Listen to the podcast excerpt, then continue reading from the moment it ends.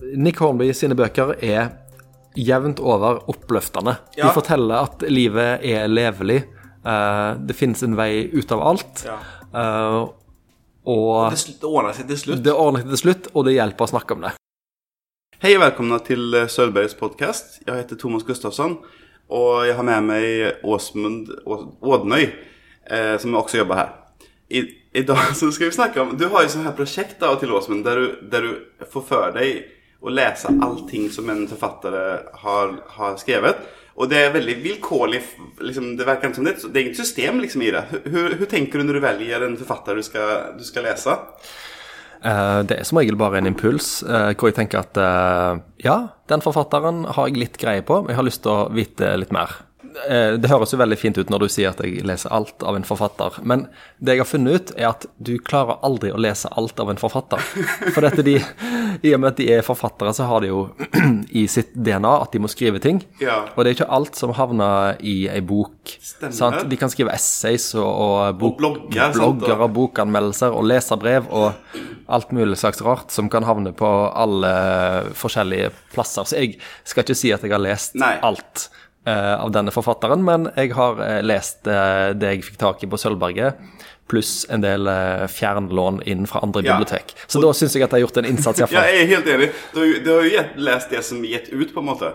Og så er du liksom heldig med Nick Hornby for han, han har jo fast spalte som han har haft i ganske mange år.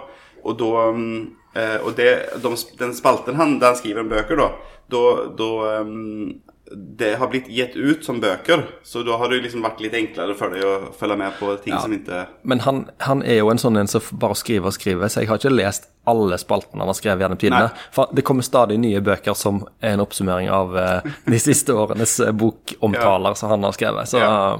Men jeg har i hvert fall snust litt på det, den sida av, uh, av produksjonen hans òg, da. Ja, Altså, ja, jag, mitt forhold til Dick Hornby er jo egentlig bare ehm, jag vet att han har skrivit Fever Pitch, men jag har inte läst boken och inte sett filmen. Jag vet att han har skrivit High Fidelity, den jag har sett filmen. Og så vet jeg at han har skrevet About a Boy og det har jeg sett filmen. Og det er alt.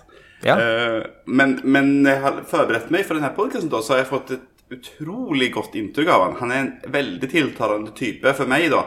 Og han, han har smarte og morsomme tanker, og han er flink på å formulere det på et tiltalende sett.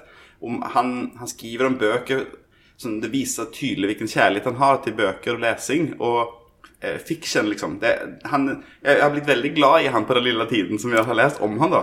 Jeg er helt enig. Eh, jo flere intervjuer jeg leser med han, og jo flere YouTube-intervjuer jeg ser med Nick Hornby, eh, jo mer eh, får jeg bekrefta det inntrykket jeg har av at Ja. dette er en bra fyr. Dette Ja. er en jeg har lyst til å gå på pub med. Ja, Så han, han er på en måte den eh, verdens mest sympatiske mangemillionær. Ja, det, det, Ser han ut som. absolut. Sånn som amerikanere eh, velger sine presidenter etter om de har lyst til å gå og drikke en øl med ham. Så han borde egentlig bli president i USA, selv om han ikke er født der, da, så det går jo ikke. Men Ja, eh, eh, i hvert fall mange eh, i, på min alder, og menn ville Ja. nok garantert ja, gått men, på pub men og han har jo veldig tiltalende mening. Jeg tror nok, altså, som, som, en, som en intellektuell type, så tror jeg at mange, både menn og damer, hadde kost seg med å gå ut med, for en øl eller en kaffe med han, liksom. Garantert. Og noe av det fine med bøkene hans er jo at han har på en måte utvida um, repertoaret sitt til at han skriver mye fra, fra kvinners perspektiv i de senere bøkene sine. Mm. Ja. Men dette skal du sikkert inn på i dine Ja, spørsmål. jeg gleder meg kjempemye. Så eh, vi kan jo begynne. Altså Det første han skrev, var jo en sånn samling Eller det første som er gitt ut, var en sånn samling som heter Contemporary American Fiction. Og så har jeg jo Du er kanskje litt sånn kontrollfreak, så jeg har jo fått en oversikt over eh, alle hans bøker med en liten oppsummering fra deg. Og da skriver du presentasjon av amerikanske forfattere fra 1980-tallet, som Raymond Carver and Tyler Bobian, bla, bla, bla. Så Men sånn jeg leste om den boken, da, så sto det at det, det er på en måte kritikk, da. Altså sånn som jeg har forstått det, eller? Ja, det er, veldig, det er en veldig rar bok, må jeg si. Uh, Contemporary American Fiction. Den kom ut eh, tidlig på 90-tallet. Den er på bare 168 sider. Og når du hører boktittelen, 'Contemporary Ja. American Fiction', så tenker du oi, dette er noe sånn leksikonstørrelse. Ja. For hvordan skal du på en måte fange det landet hvor det skrives mest bøker, Ja. i ei bok som du kaller noe så ambisiøst som 'Contemporary American Fiction'? Um, og det morsomme med denne boka er at, at det er så lite Nick Hornby-aktig. Oh, ja. Det det er veldig sånn forsiktig, høflig. Um, ingenting av det du senere forbinder med, med Nick Hornby. Det er ingenting, ingenting morsomt her. Nei. Det er ingenting uh, lunt. Det er ingenting det er joviale, liksom. Ingenting jovialt. Uh, det er fotnoter. Uh, det er på en måte Det er bare essay på essay om én og én forfatter. Eller så tror jeg han òg har et essay om eh, novellene som står i magasinet The New Yorker. Det, det, det er litt sånn Ja, jeg, av godvilje så, så har jeg anbefalt denne boka. Eh, men det er Det er ganske eller litt sånn li, livløst, da. Ok. Jeg fikk i hvert fall lyst til å lese noen av disse forfatterne. Det er ikke skriveglede i det, liksom? Ikke, i det hele tatt. Nei. Og dette kom jo på et tidspunkt hvor Hornby eh, ikke var etablert forfatter. Han var, jeg tror han var, var eh, underviste fremmedspråklig på, i, på et universitet eller noe sånt. Mm. Han var en litt sånn motvillig akademiker, tror jeg. Ja. Eh, så det, Det- er- noe, det er ikke noe hjerteblod i denne boka. Men, men for den er, den er 30 år gammel, sant? Mm. Og han, var, er han, var er han 59 nå? Så han var i slutten av 20-årene, da? Ja, ja. Så det, man skulle føle at det var litt sånn opprør og litt sånn, men det, det er ikke det alt i den her. Det er kanskje, han, kom, han kanskje akkurat blir ferdig med studiene og er veldig sånn akademisk eh, ja. jernvaska ennå. Det kan godt være altså, at det skal være sånn korrekt, og det skal være akademisk språk. Det er ikke det heller helt. Uh, så for meg så falt han litt mellom to stoler. Det er ikke liksom spist og, og kraftfullt nok til å være bra, bra som sånn eh, overraskende eh, søkelys på forfattere, og det er ikke intellektuelt nok til at du kan sette det på en pensumliste på engelsk heller, tror jeg. Og, og, og hvert essay har på en måte tittelen Tittelen er liksom ikke eh, Tittelen på hver forfatteromtale er ikke en påstand eller noe liksom, som får deg til å lese videre. Tittelen er liksom bare 'Richard Ford'. Det er som en lang Wikipedia-artikkel. Men hvorfor har det blitt det ut, tror du? Det, var, det er del av en serie med, med bøker i lignende størrelse, tror jeg. Dette er ikke en bok som vi har på Sølvberget. Jeg lånte den inn på fjernlån fra biblioteket i Kristiansand. Og hvis en leser om Nick Hornby sitt liv på, på nettet, så står det jo hele veien at dette er en bok som er vanskelig å få tak i, og den selges for høye priser hvis du, okay. har den. For dette er det jo ingen som ville brydd seg om den boka hvis ikke han senere hadde blitt Stemmer. Den så det er sånn completionist, liksom, som skal ha alt av han, til eksempel, eller sånn? Ja, da, da skaffer du deg nok uh, contemporary American fiction. Ok. Ja. Eh, om vi tar neste bok, da, Fever Pitch. Eh, det føles jo som at eh, Jevnført med den du akkurat fortalte om, Contemporary American Fiction, så er dette eh, Dette er Nick Hornby, sant? Dette har rukket å bli Nick Hornby. Pl ja, plutselig så skjer det et eller annet der. Eh, fra det ene året til det andre, nesten.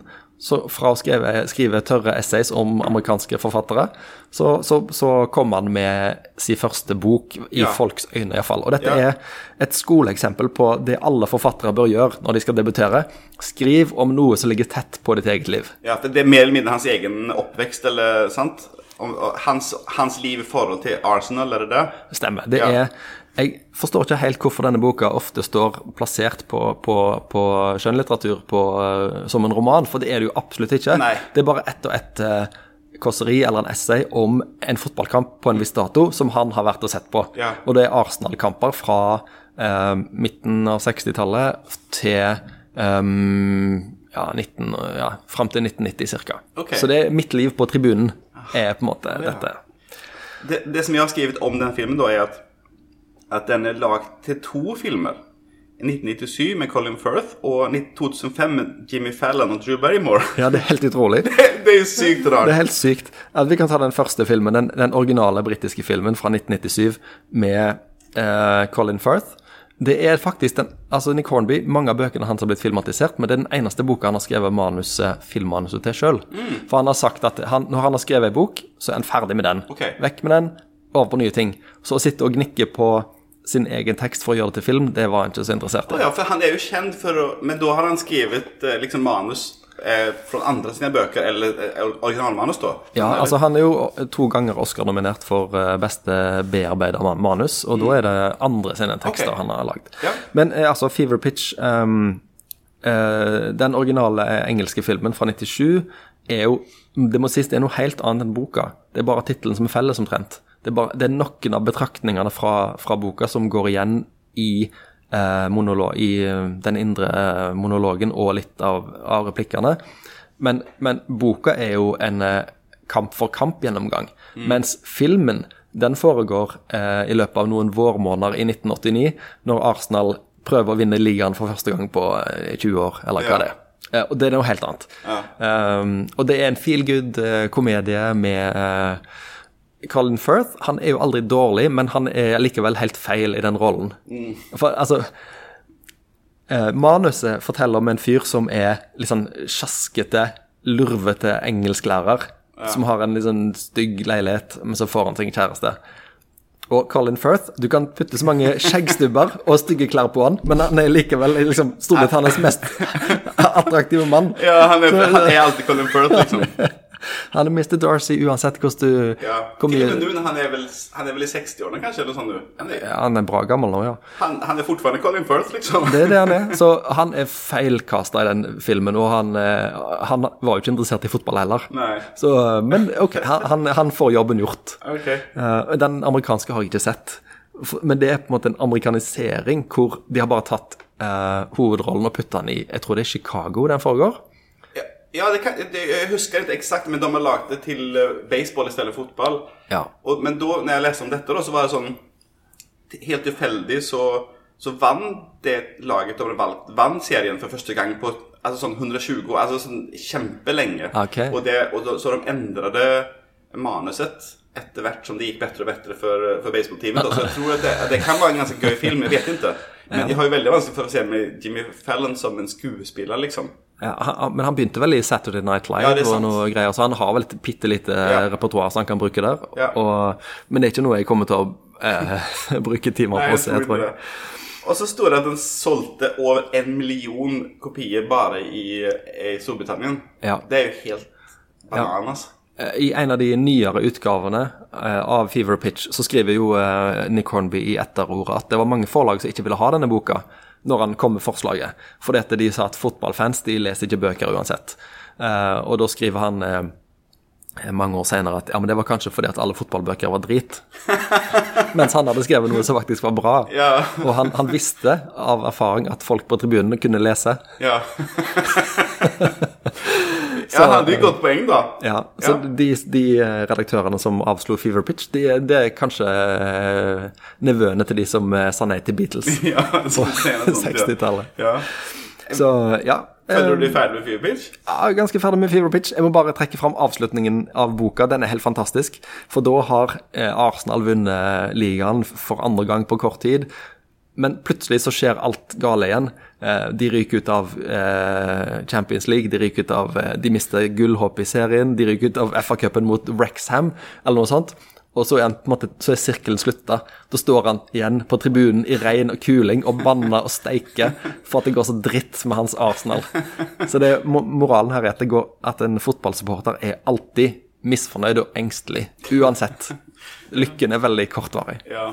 Men kanskje det er da de er som lykkeligst, på en måte, når de, når de strever i motvind, liksom. Ja, du får jo utløp for alt mulig Ja. når du eh, har eh, motvind og, Ja. i livet ditt. ja. Eh, neste bok er High Fidelity. Det Ja. er den, den, kanskje den mest kjente av hans bøker, og den mest kjente av hans bøker som har blitt film. Kanskje? ja, det tror jeg. Ja. Eh, og så er det sånn eh, Det som jeg har notert om High Fidelity, er eh, Rob hadde sitt første forholdende når han var 12 år. Det var i seks timer. Ja. og, og så etterpå har han blitt dumpet av alle etterpå. Ja, det er rett. Eh, altså, Fever Pitch og High Fidelity er det var, for, for å liksom bare forklare hvorfor jeg valgte å lese alt av Nick Hornby denne gangen, det var fordi at disse to bøkene kom ut, i hvert fall i min uh, verden, uh, når jeg var uh, 19. 18-19. Så jeg forbinder på en måte fortsatt han med disse to bøkene. Eh, men så har jeg bare registrert sånn i det fjerne at oi, han blir jo Oscar-nominert for manusene sine. Oi, han skriver jo masse andre bøker òg. Ja. Hva er dette for noe? Så High Fidelity har jeg lest jeg tror jeg leste den for tredje gang eh, nå. Jeg leste den når jeg var 20, jeg leste den når jeg var 35, og jeg leste den igjen når jeg, er 44. Så du, jeg finner noe nytt der hver gang. Jeg husker da han kom ut, så eh, ble han i hvert fall i Norge eh, veldig stempla som eller omtalt som humorbok. At det var morsomt. Det var, på den ene jeg leste, så var det en som skrev at han trodde aldri han hadde ledd mer av ei bok enn en av High Fidelity. Eh, men nå, når jeg leser nå, så tenker jeg at mer at eh, den er veldig trist. Eh, hovedpersonen han har en, eh, en mild depresjon. Eh, men det, det, det er kanskje ikke så lett å se, fordi det er så mye annet gøy som foregår der, med, med sånn plater og det er litt sånn komikk i platebutikken og disse listene han lager og osv. Ja, jeg tenker kanskje at den som sa det, kjente seg ekstremt mye igjen. Og var en sånn fyr som lager lister. og det, 95 var det jo ennå veldig mye platebutikker overalt. Det var vel ikke begynt å gå så nedover. Nei, det, det har du rett i. Uh, og, og denne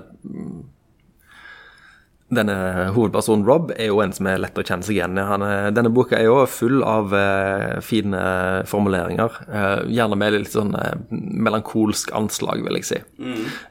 Det som er morsomt her, er jo at denne nå ble jo filmatisert. Og igjen en altfor uh, handsome hovedrolleinnehaver med John Cusack, sant? som jo med sine dådyrøyne og uh, vakre, svarte hår blir liksom shabba til, men OK, det er John Cusack. Ja. Det, de kunne ha valgt en annen person der. Og, Amerikanere kan ikke la være, liksom. ja, men også, også kjemien med hun eh, danske Iben Gjeile som spiller kjæresten hans.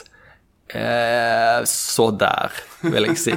De fikk ikke så mye ut av den filmatiseringen. Men jeg, jeg, jeg tror at det var da som jeg begynte å bli forelsket i Iben Gjeile. Jeg syns hun er så fin. Altså, hun er en så fint, eh, fin skuespiller.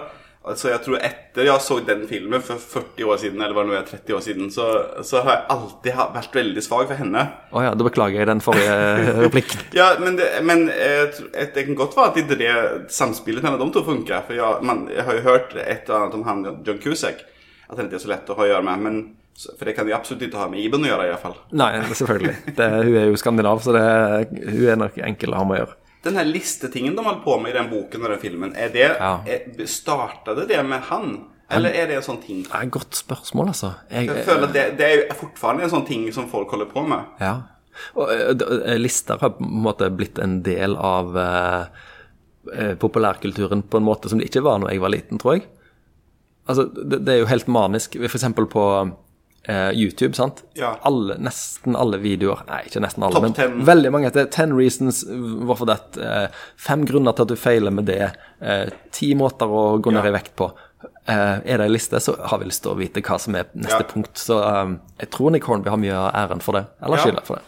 Ja, skylden kanskje. Men, men for jeg vet når vi skriver artikler på Sølvberget også, så er det sånn eh, Blir man på en måte Det blir nevnt at det er lurt å skrive eh, ting som f.eks. årets beste filmer, årets beste bøker. Sant? For folk er interessert av det, og det, det, er det er lettere å bli treffa opp av Google-søk om du har den type formuleringer. Men eh, ja, for det, det, som- jeg reflekterer over nå, er om det var han som starta den der manien. Det var nok Gud med de ti bud. Men eh, jeg, eh, Nick Hornby kanskje en disippel som delte de ti bud i to, og så ble det disse fem listene. Ja. Men, men jeg husker jeg og en kamerat som eh, Jeg var blitt student, og jeg hadde ikke mail, så vi skrev brev, og da var det alltid noen sånn fem på topp-lister vi sendte fram og tilbake. ja. Eh, og så var det om å gjøre de, å gjøre de så morsomme som mulig. Ja. Jeg tror Nick Hornby har eh, en stor del av æren for det, iallfall i mitt liv. Kanskje han som populariserte det. Men en annen ting som jeg tenker på er den, Men som sagt, du er, i, i mitt hode er det filmen, da, og det er ikke sikkert det er representerbart for boken. Men det her at de som jobber på platebutikken, ser så ned på de som kommer inn i platebutikken. Og ehm, at de håner musikksmaken til dem som vil kjøpe plater og det. Ja, ja. I, I dag har de jo ikke råd til det. Nei! I dag selger de alt. Ja. Men dette er jo noe vi ser f.eks. I, i Pondus, Ja. hvor Jokke jobber jo i faren sin brukthandel. Okay. Og, og hvis noen kommer inn og skal ha danseband, så tar han fram sånn ildtang som han har liggende bak i disken. og tar tak i LP-en, og så løfter han den fram med ildtang og gassmaske og gir den til eh, Stemmer. kunden. Så Jeg husker Det er noen sånn referanse som kommer langt, langt tilbake her for meg. Det er han En eller annen fyr som var programleder for Robinson eller noe. Christer Falk? Ja. Han, jeg tror han hadde en platebutikk i Oslo. Ja.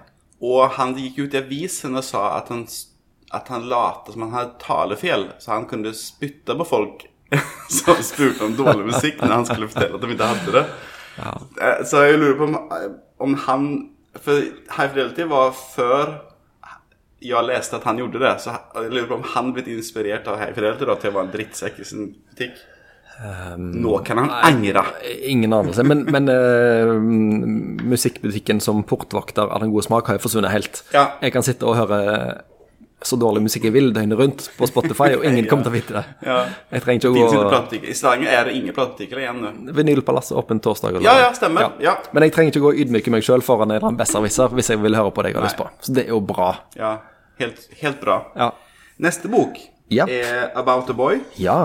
Eh, ja. Her, her, kommer vi jo inn i eh, litt sånn eh, ut, Her utvider han kampsonen, kan vi si det? ja. Den første boken, altså Fever Pitch, det var i hvert fall filmen, er om en mann som ikke vil forholde seg til verden, han vil bare se fotball og eh, akseptere litt at det finnes noe annet. Eh, High Fidelity er om en fyr som ja, han vil mest eh, sortere platene sine. Han graver ned seg i musikken. han, han, han har på en måte musikken som et skjold mot verden. Mens eh, når vi kommer til eh, About a Boy, så, så er det på en måte tatt helt ut. Her er det en mann som ville holde alt på avstand. Ja. Han har ingen eh, dille. Han har ikke musikk eller fotball. Han har bare lyst å, å gjøre livet så eh, behagelig og lite smertefullt som mulig. Ja. Og han pakker seg inn i mange sånne regler og lag av avstandsskapere, kan du si. Han bruker sin For hans pappa skrev en julesang eh, som er litt superpopulær. Han hater den sangen, om jeg husker riktig. Ja. Her, eh, men han gjemmer seg med den. I stedet for å ha et spesielt interesse, så gjemmer han seg bakom pappaen sine royalty-penger. Liksom. Han lever på pappa sin jule, julehit. Ja. Og så når den kommer på radioen sånn i september, eller hva det blir, Ja. så, så knekker han litt sammen. Da. Men han vet at pengene kommer inn, så det er greit. Eh, og mm, denne her eh, personen har da for sikkerhets skyld Nick Hornby tror tydeligvis at vi er litt trege i nøtta, så denne personen som vil være fri, han heter Will Freeman. Wow!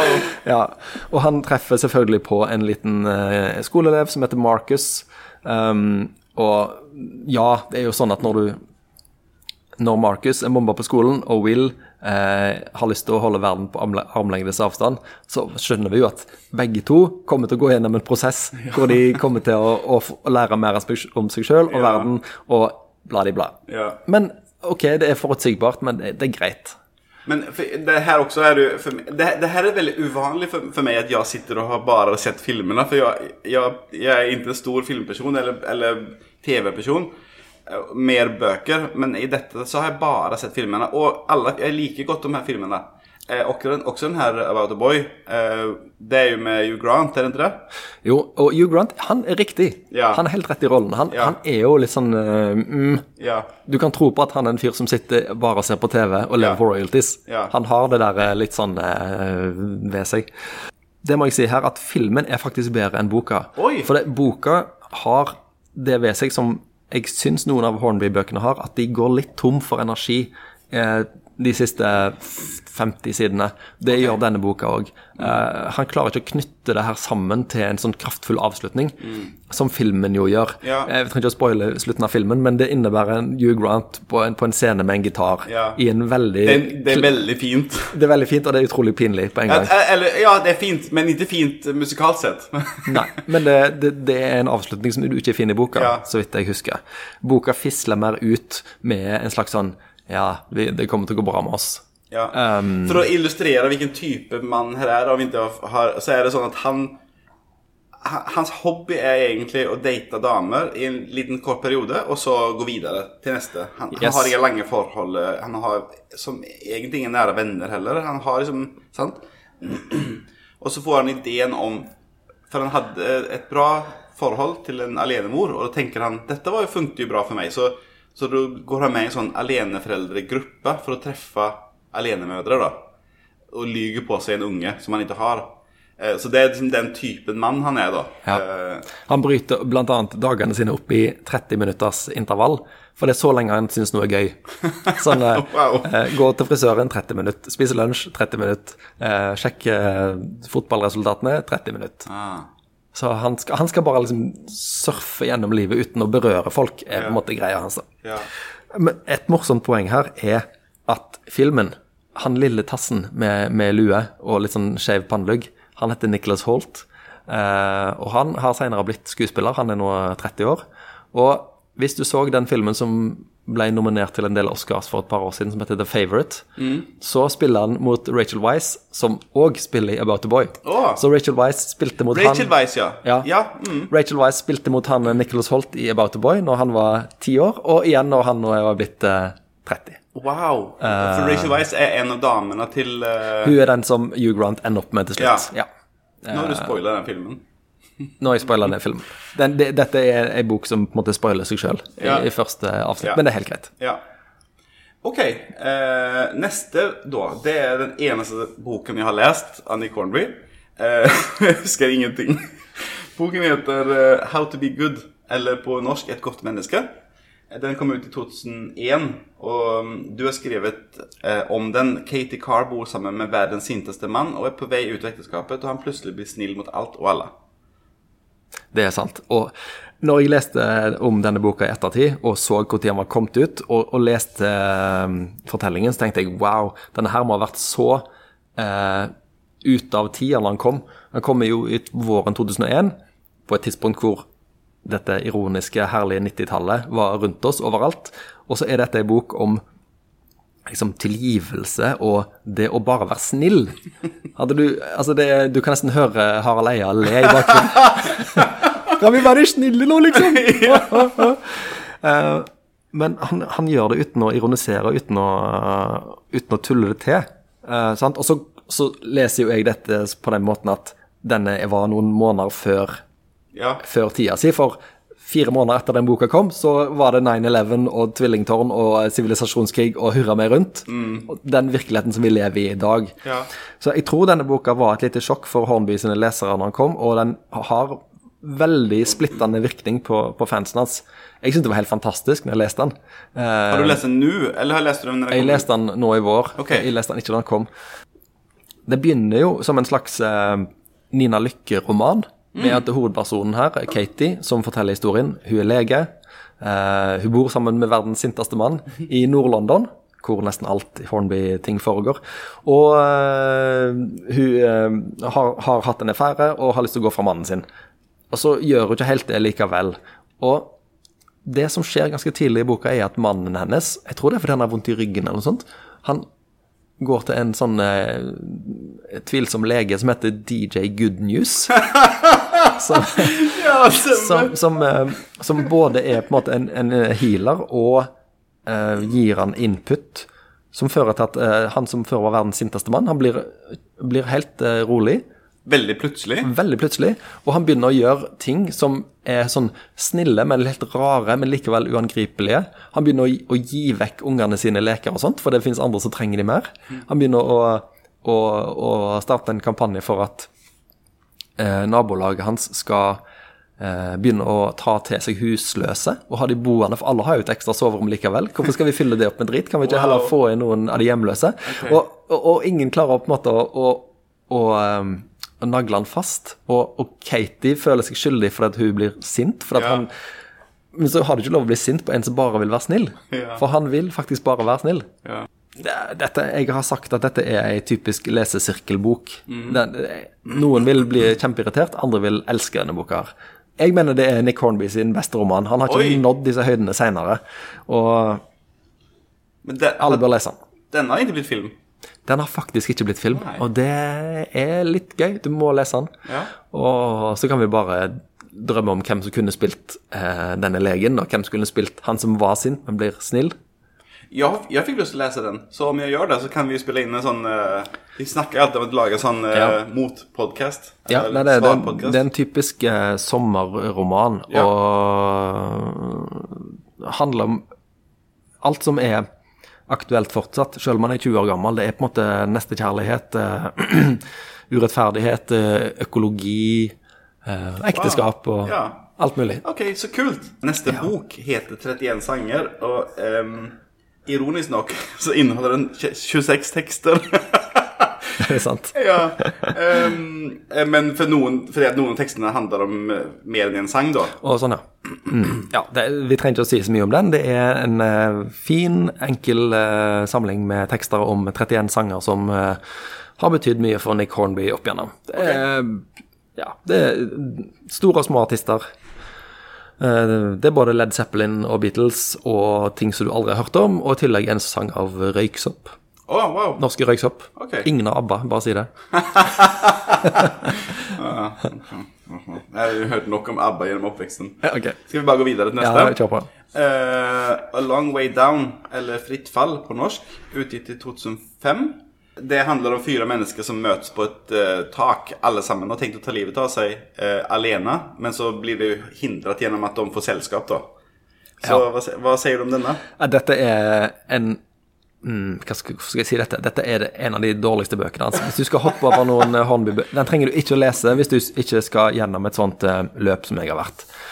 Um, jeg mistenker at han fikk for seg denne scenen med fire personer som hver for seg eh, planlegger å ta livet sitt ved å hoppe ut fra et høyhus nyttårsaften fordi de har ulike grunner til at livet er dritt. Ok. Eh, den scenen skrives. Um, de tar ikke livet sitt, men de bestemmer seg for å Vi må iallfall utsette det noen uker for å se om livet kan bli bedre. Mm. det er det er et veldig bra konsept. det er et bra konsept, men det er kanskje det som er feil, at det er et konsept. Ja, okay. Um, for når, når de har møttes der oppe og, og på en måte redda hverandre på en sånn Nick Hornby-aktig pratemåte Ja. uh, og, og kommet seg ned igjen, så, så blir på en måte romanen litt stående og stange, syns jeg, i de neste 200 sidene.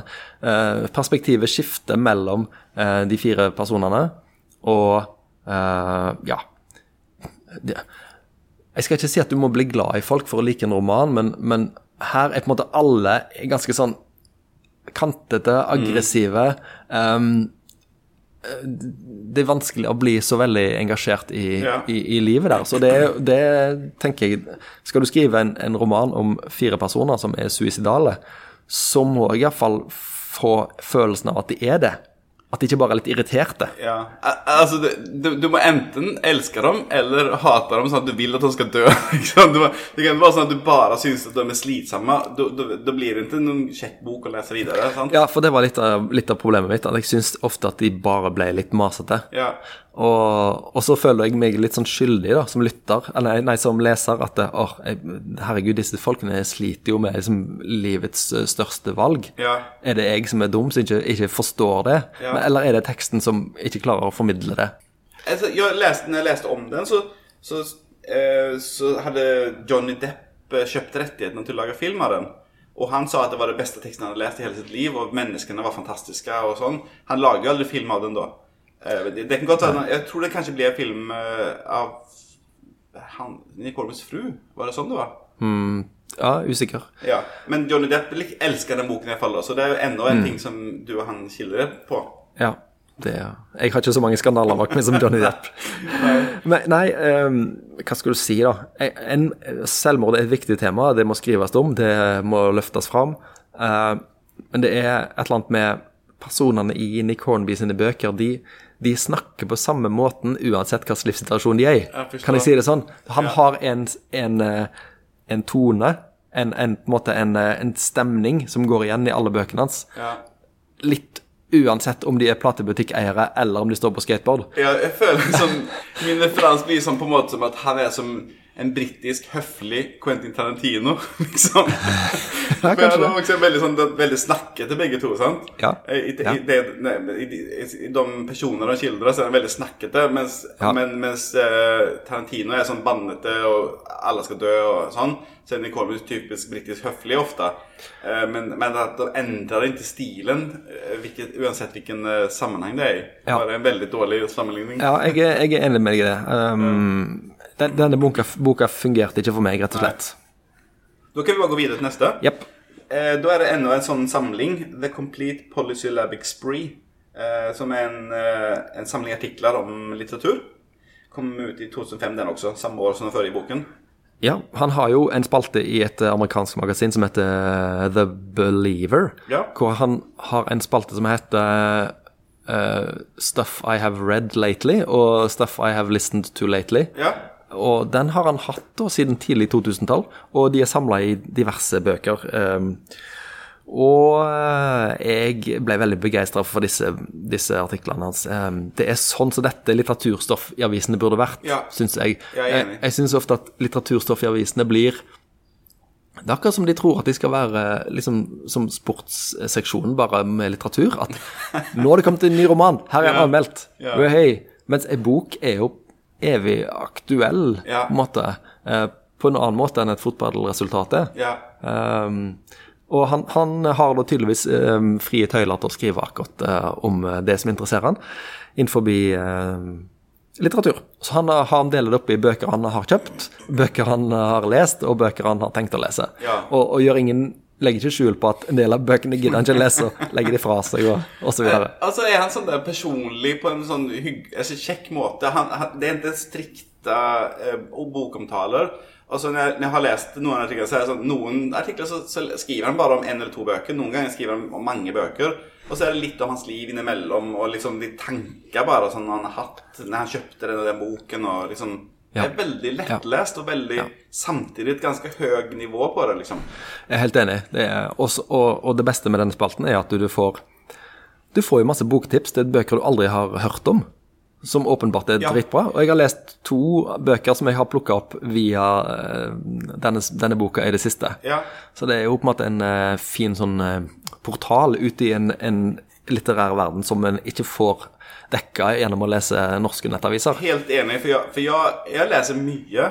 Og jeg har liksom, når jeg har gått igjennom hans ting og sett etter en eneste bok som jeg har lest, for å se, jämføre vår smak, på en måte. Og jeg fant ingenting som jeg hadde lest. Ja, ja, ja. Så, men så, dette er sånn, en ting han skrev da. Det er jo veldig sånn eh, tongue in cheek, liksom. Men han skrev sånn I'm a father, so I know something about the pain of childbirth.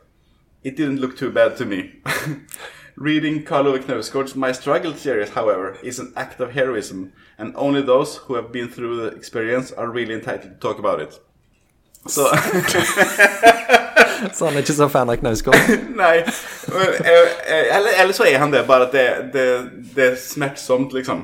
Men eh, det er liksom den tonen han har, og det er åpenbart at, at det er et så ekstremt eksempel at det er ikke sånn, han, han syns jo ikke det. Men, men liksom den, den måten å skrive på gjør at det blir lettlest og gøy, liksom. sant? Ja. ja du, du- får veldig lyst å lese mer, og du får lyst til å, å kaste bøker som er dårlige, så videre. Ja, for det er også en sånn veldig godt poeng han har. Sånn, at eh, han det, um, In defense of taking the pain out of literature. Altså, han mener at lesing skal være samme som når du ser en film eller ser en tv-serie eller hører på musikk. Du skal gjøre det for at du liker det. Det er ingen som, han, Hans eksempel var som det er ingen som setter seg og tvang, tvangsmessig hører gjennom en spilleliste på Spotify bare fordi at de har begynt med den. Om de ikke liker musikken, så slutter de. Og sånn mener han at man skal gjøre med bøker også. Og jeg er så enig. Det skal være, det skal være kjekt å lese. Det skal være, det, og det trenger ikke alltid være morsomt, og det trenger ikke alltid være lettlest, men det skal gi deg noe. Det skal ikke være en, plagsom jobb. Og han, han har mye tanker rundt det. Hvorfor har vi, har vi det sånn med akkurat lesing? Det skal ikke være sånn. Ja, det er et godt poeng. Men til mitt forsvar, da, som har lest alle bøkene hans, og noen av de var litt dårlige, så eh, har vi godt av å lese dårlige bøker av og til òg. For det, da setter en mer pris på de gode. Ja, men eh, Det er inget lys uten mørke, liksom. Ja, litt faktisk litt sånn. Altså når, når til og med Nick Hornby, som er en av de mest rutinerte, velansette forfatterne som fins, skriver bøker som åpenbart ikke er gode, så, så tenker du litt sånn at wow. eh, tenk at det fins bøker som er så fantastiske, hvor alt stemmer. For, det- for det er jo en slags magi i det å skrive en Ja. god bok som du ikke klarer å naile ned til gjør sånn, gjør sånn, gjør sånn, så blir det bra. Den der følelsen du har når du träffat, når du som leser har truffet helt, helt riktig, og kommer på akkurat den, allting stemmer. det er jo fantastisk. det har du helt rett i. Så, men så har man det jo ikke så ofte. Nei. Så det, det er liksom, Når du gjør, vel gjør det så blir det jo sånn da liksom, ja. det er fantastisk. Enig. Um, Så denne boka igjen fant jeg ikke på Sølvberget. Jeg lånte den inn fra et eller annet bibliotek. Eh, og han har gitt ut ganske mange av disse artikkelsamlingene sine. Han, han, så, så, og de er å få tak i på alle bibliotek hvis du bare spør dem. Så Ja. kan de lånes inn. Ja. Eller du kan lese artiklene hans på nett på Believer Magazine. Ja, da, sånn som de, de er åpent tilgjengelige. Du kan, eh, du kan donere penger til magasinet om du vil, men du kan bare lese dem som eh, helt åpent. Så det, og det anbefaler jeg. Det, er- det er veldig kjekt å lese. Du, du, da kan du lese én artikkel, det tar jo fem minutter. Ja. Så ja. Neste bok på listen her er Slam, som er utgitt i 2007. Eh, det, det er et ungt par som blir eh, med barn, da. Det stemmer. Um, og du vet jo, Thomas, like godt som meg at i livet så liker vi ofte å si til folk at å, du må ta noen sjanser, du må, må, du må kaste, kaste deg litt ut i ting, sant? Yeah. Ikke bare spille safe hele veien. Yeah. Og nå har, fram til dette tidspunktet så har um, Nick Hornby skrevet bøker om uh, folk rundt 40 år gamle i Nord-London som uh, sliter litt med livene sine. Yeah. Uh, nå går han plutselig ned i alder til to eh, 17-åringer, tror jeg det. 16-17 år. Al uh, Alicia og Sam.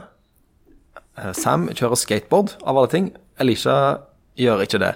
Men uh, det som skjer, er at de venter plutselig barn uten å være i noe seriøst forhold. Um, og det er på en måte en veldig lang fortelling om en ganske kort hendelse. Ja. Forholdet mellom disse to. Ja. Og for meg så, så virker det litt sånn umotivert. ja. Eh, det, det er mitt problem med denne boka. her. Jeg forstår ikke hvorfor han har skrevet den. Nei, nei for til og med meg når jeg leste om boken, så fikk jeg litt sånn følelse at han hadde en tanke, på en måte, og så ja, Jeg får vel skrive en bok, da. eh, Og så For det var noen år siden han hadde skrevet en bok sist.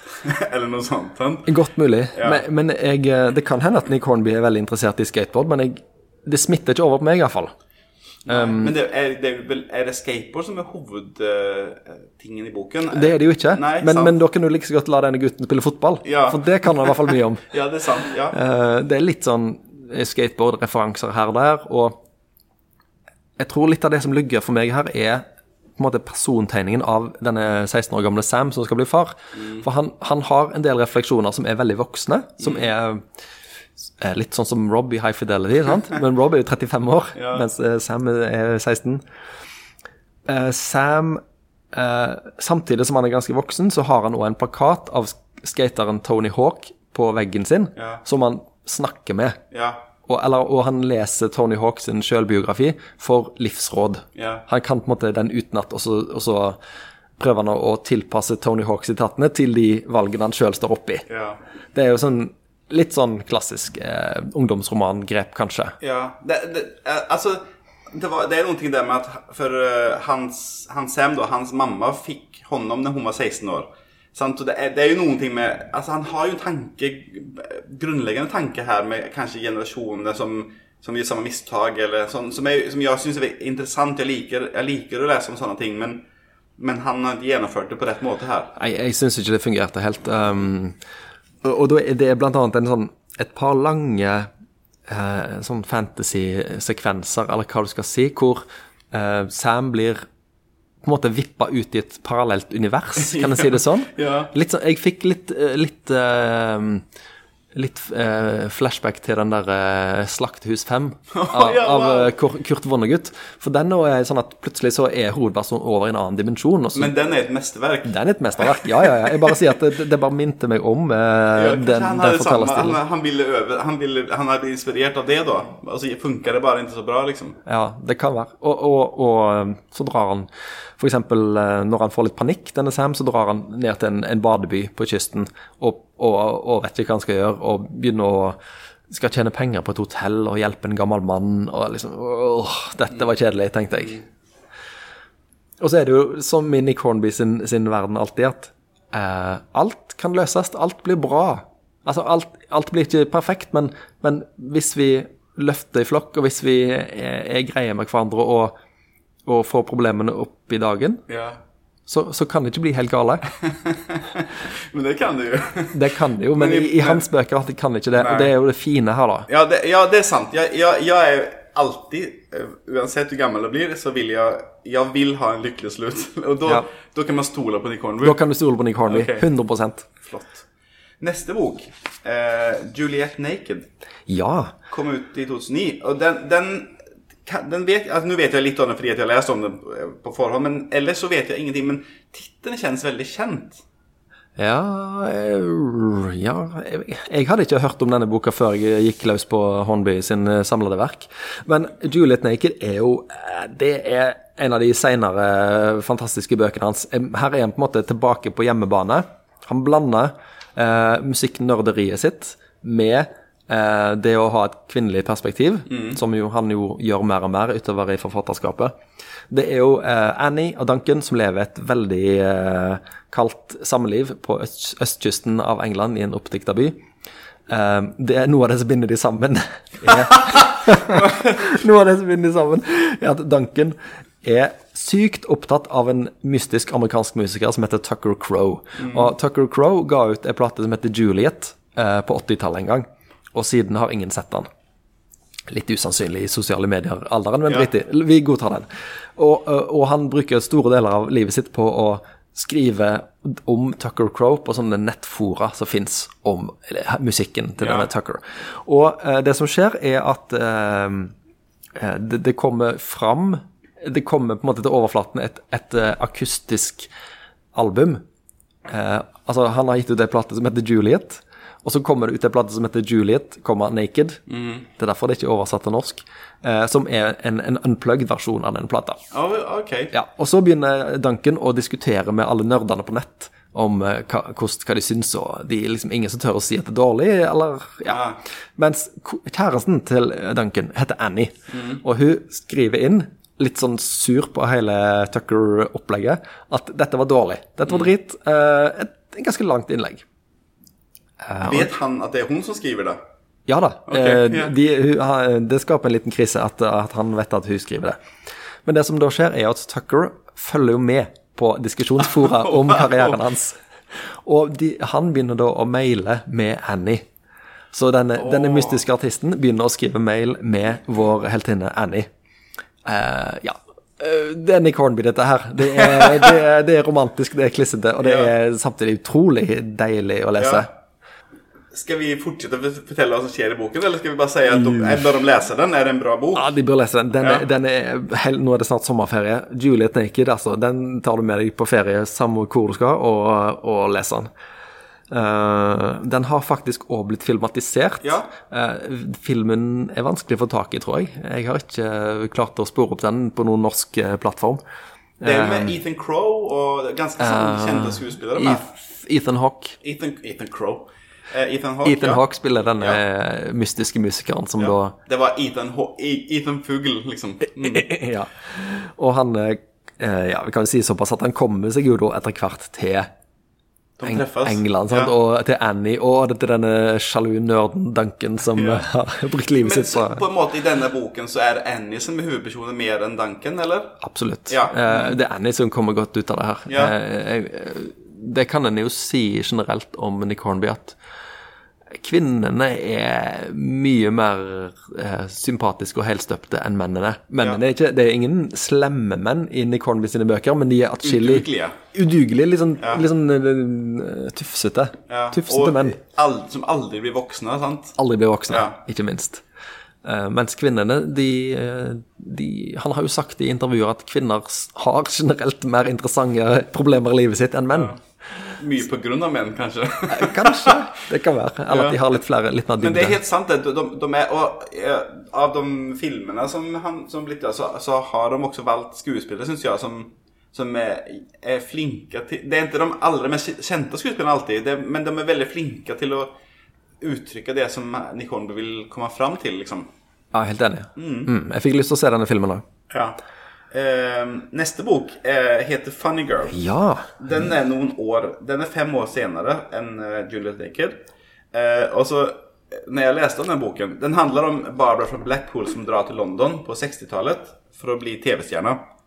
Og så når jeg, fikk, når jeg leste om denne boken, så fikk jeg veldig lyst til å lese den. Eh, og så sa jeg det til deg. Hva sa du da? Da Nei, du spurte Den høres bra ut, og jeg, nei, den er elendig. Og det, det står jeg ved. Eh, litt sånn som den vi snakket om Slam, Ja. eh, som er denne skate, skateboard-tenåringsromanen. Ja.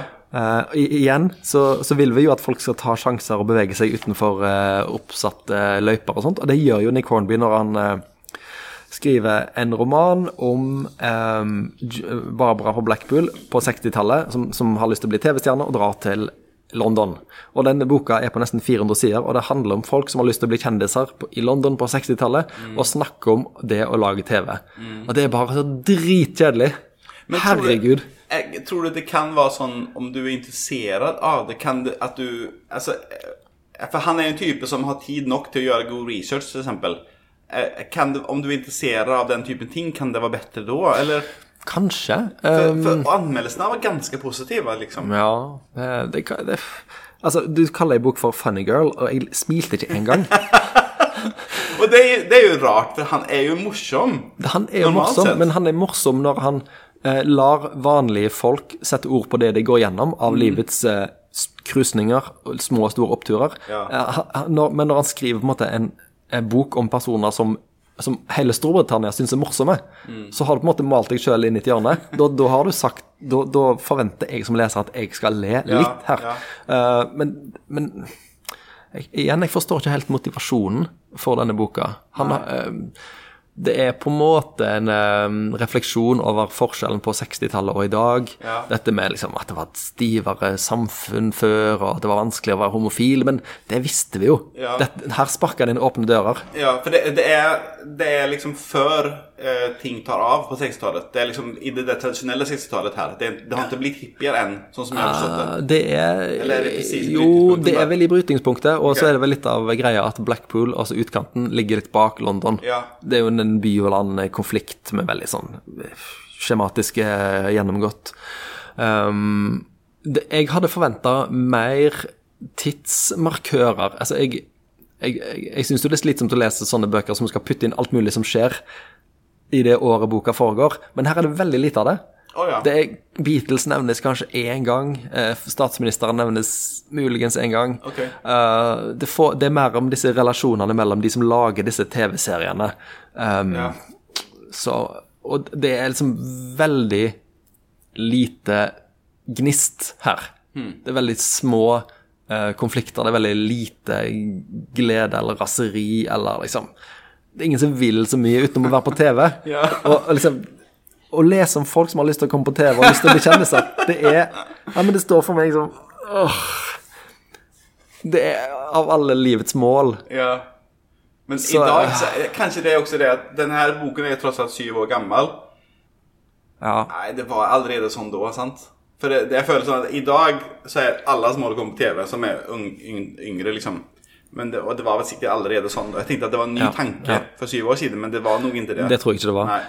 Jeg, jeg liker jo den der, den der, der historiegreien som heter eh, 'Helten går gjennom en eh, prøvelse for å nå et mål'. Ja. sant? At du skal bryte ut av noen Sprenge noen lenker og sånt. Men liksom ah, Jeg har ikke lyst til å være eh, Miss eh, Jeg har ikke lyst til å være Miss Blackpool, jeg vil være TV-komiker. Ja. Bare så, OK, samme for meg. jeg bryr meg ikke. Har du lest 'Frøken Island'? Uh, nei. Uh, den, den ligner litt, men ja, og den elsker folk her på biblioteket. Og jeg følte litt Sånn som du sier om denne boken, 'Funny Girl', sånn følte jeg litt om 'Frøken Island'. Okay. Men det var absolutt ikke vel mottatt blant mine kolleger her, for de elsker den. Men jeg Ja. følte litt av det samme. Den var liksom litt umotivert, og jeg, jeg brydde meg ikke egentlig. Jeg brydde meg, det er godt Ja. som, det, der sa du det, jeg brydde meg egentlig katten om hva som skjedde med dette TV-showet, om de fikk en ny sesong eller ikke. Oh. Jeg liker sinte Åsmund. ikke sint, det er bare litt sånn. Men igjen, gleden ved å lese dårlige bøker etter, wow, til og med Nick Hornby etter 20 år som forfatter kan skrive en sånn bok Ja. som, ok, mange de elsker den, men som jeg bare synes var, var ganske dårlig. ja. Og da tenker jeg at, ja, ok, da, da skal jeg sette enda større glede pris på de som er skikkelig gode. Ha, eh, hva har vi nå? Nå har vi liksom en Skal vi se, nå har vi to igjen. Fem, seks, syv, åtte, ni, ti, elleve bøker har vi snakket om. Ja, og det har vært, er det to som du ikke har likt? Det er ganske bra uh... Ja, det, uh, det er vel tre jeg ikke har likt. Jeg likte ikke Fritt fall, jeg likte ikke Slam, og jeg likte ikke Funny ja, Girl. Men det er fortsatt ganske bra Det er en bra score. Ja. Det er mye bedre score enn jeg har på arbeidsuke. Så den, den nest siste boken vi skal snakke om, heter State of the Union. Yes.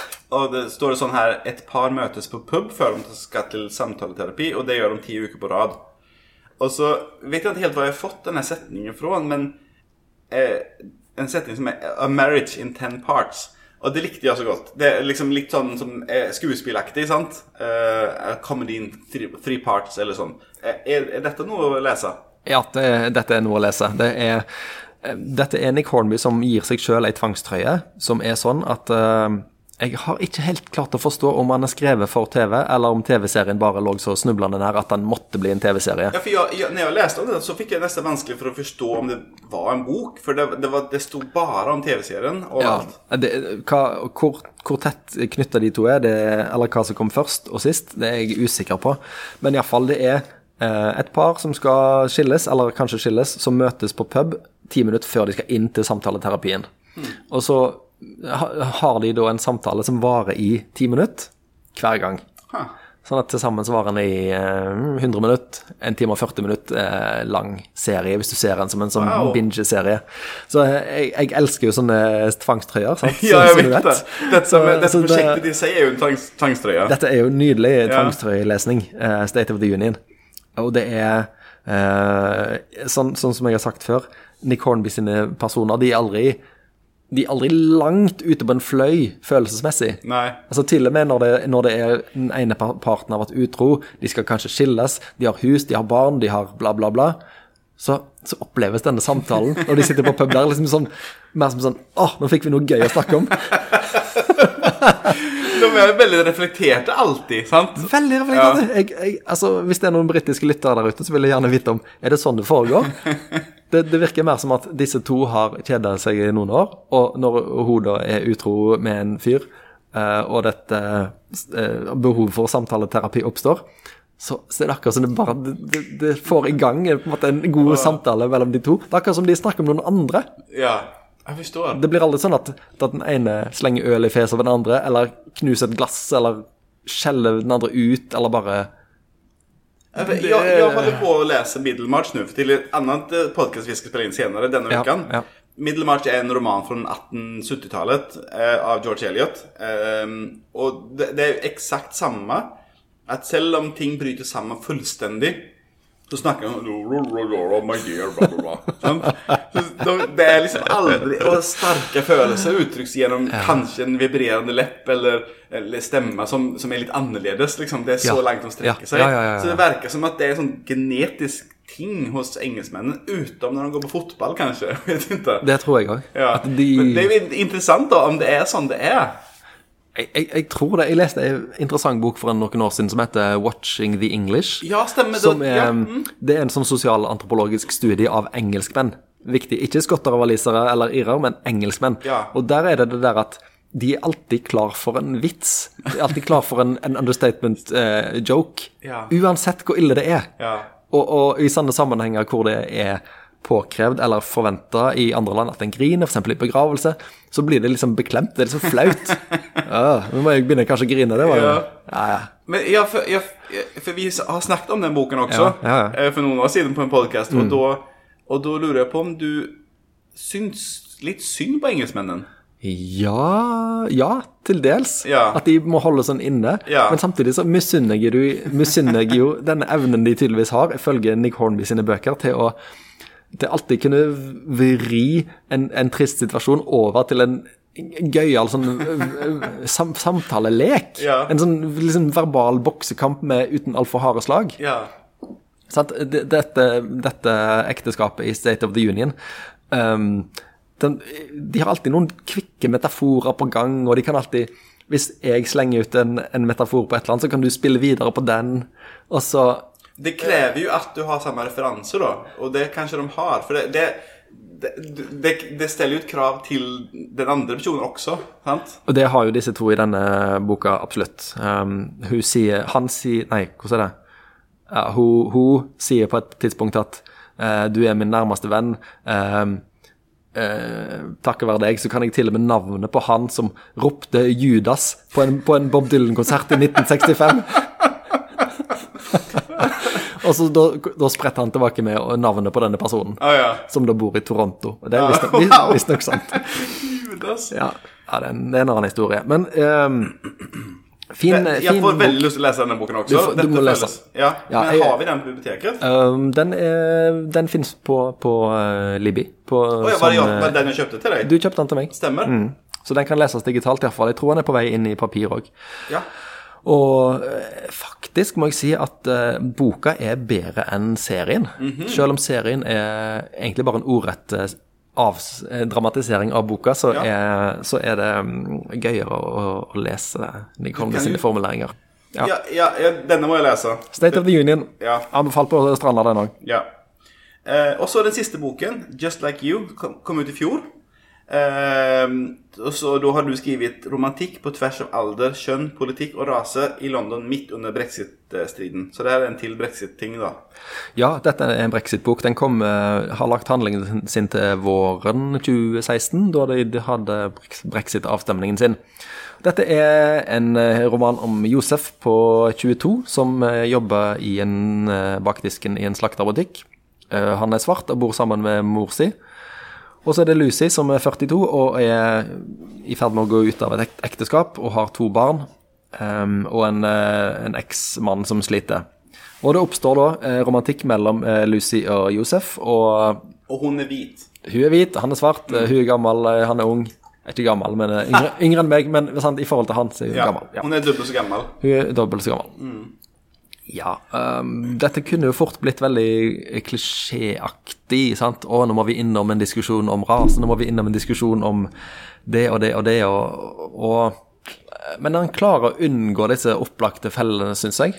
Det er en veldig fin, eh, fin bok, altså. Eh, jeg tror han treffer eh, den tidsånden som var i, London og England i eh, 2016, og kanskje er der fortsatt, med liksom for og mot brexit uh, osv.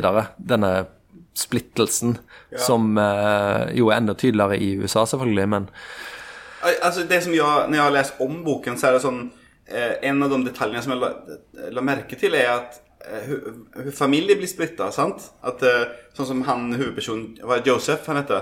Eh, att hans, han, han går en vei, og hans familie en annen vei. Og hun, da, eh, käresten då, eh, kanske en tredje vei, eller en annen vei enn han i At, fall. Att de, at, at att de, det, blir så splittelse.